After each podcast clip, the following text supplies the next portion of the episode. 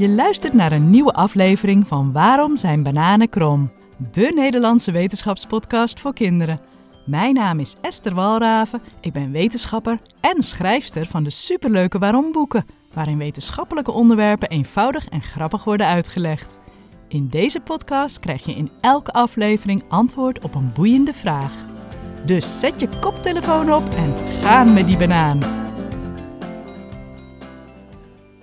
Niet zo lang geleden verscheen het nieuwe boek Waarom je voetafdruk groter is dan je schoenmaat. Ik schreef het samen met milieuwetenschapper Wilfried Ivens en het staat boordevol weetjes over de natuur, het klimaat en het milieu. Iris Boter maakte er superleuke en grappige illustraties bij. Het is echt een gigagroen boek geworden, met antwoorden op vragen als waarom is gras groen en de lucht blauw? En waarom is vogelpoep eigenlijk wit? Hoe komt het dat de aarde opwarmt? Wist je dat oceanen kunnen helpen tegen de opwarming van de aarde? En wat heeft walvispoep hiermee te maken? Vandaag gaan we het hebben over een van de vragen uit het boek, namelijk de vraag waarom we eigenlijk een tweede planeet nodig hebben en wat jouw voetafdruk daarmee te maken heeft.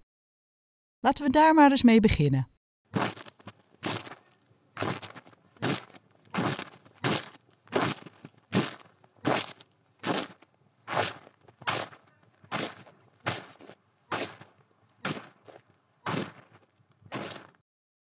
Maak jij ook wel eens voetafdrukken in de sneeuw of in het zand?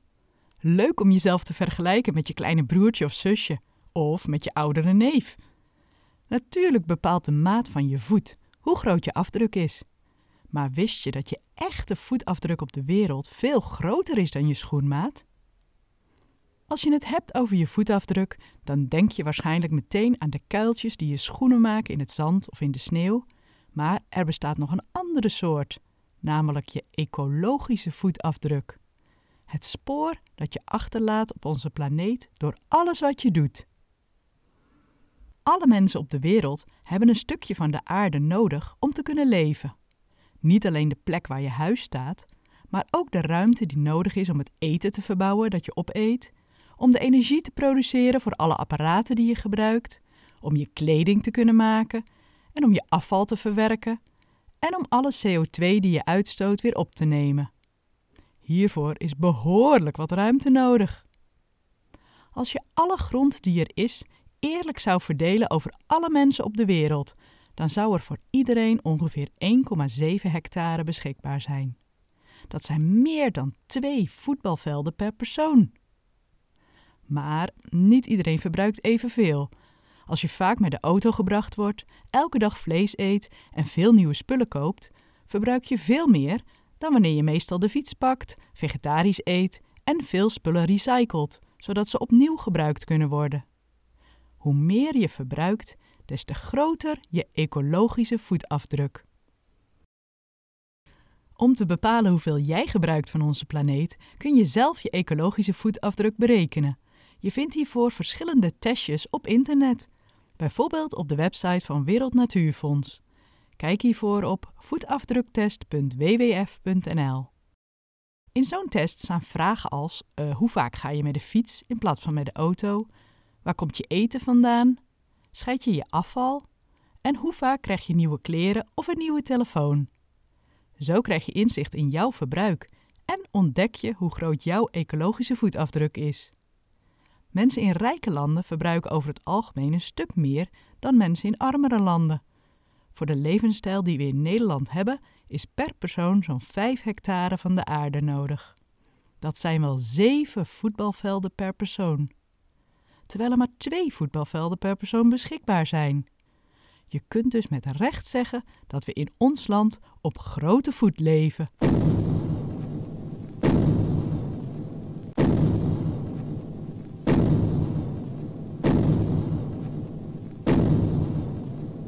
Probleem met onze grote ecologische voetafdruk is dus dat we met z'n allen veel te veel van onze planeet gebruiken en enorm veel afval en broeikasgassen produceren. Zoals we nu op de wereld leven, hebben we gemiddeld wel 2,8 hectare, oftewel 4 voetbalvelden per persoon nodig. Veel meer dus dan we beschikbaar hebben.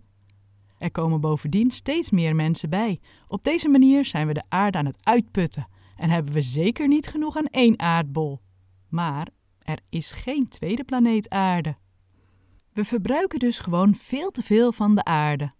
Om te laten zien hoeveel we te veel verbruiken, berekenen onderzoekers elk jaar op welke dag we de hoeveelheid die de aarde in één jaar kan produceren en verwerken al hebben verbruikt. Ze noemen die dag de Earth Overshoot Day, oftewel de aarde is op dag. Vijftig jaar geleden viel deze dag nog netjes aan het einde van het jaar.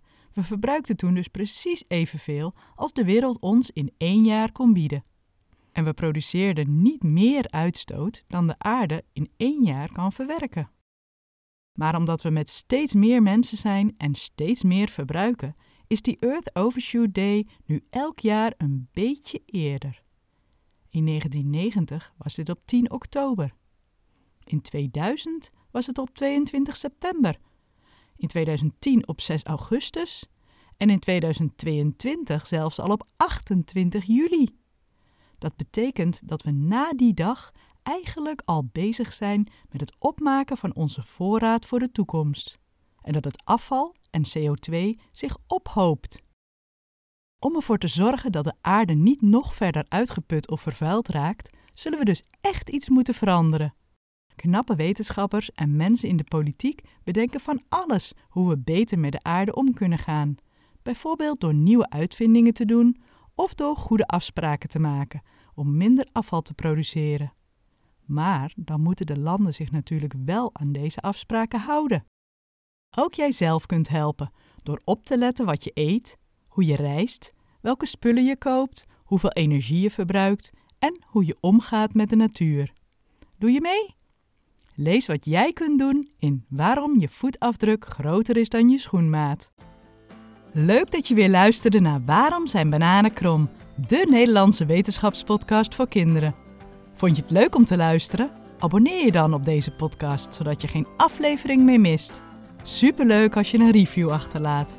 Heb je zelf een leuke vraag? Laat het me weten via Insta of TikTok, @estewalraven, of stuur me een berichtje via estewalraven.nl. En ben je benieuwd geworden naar mijn boeken?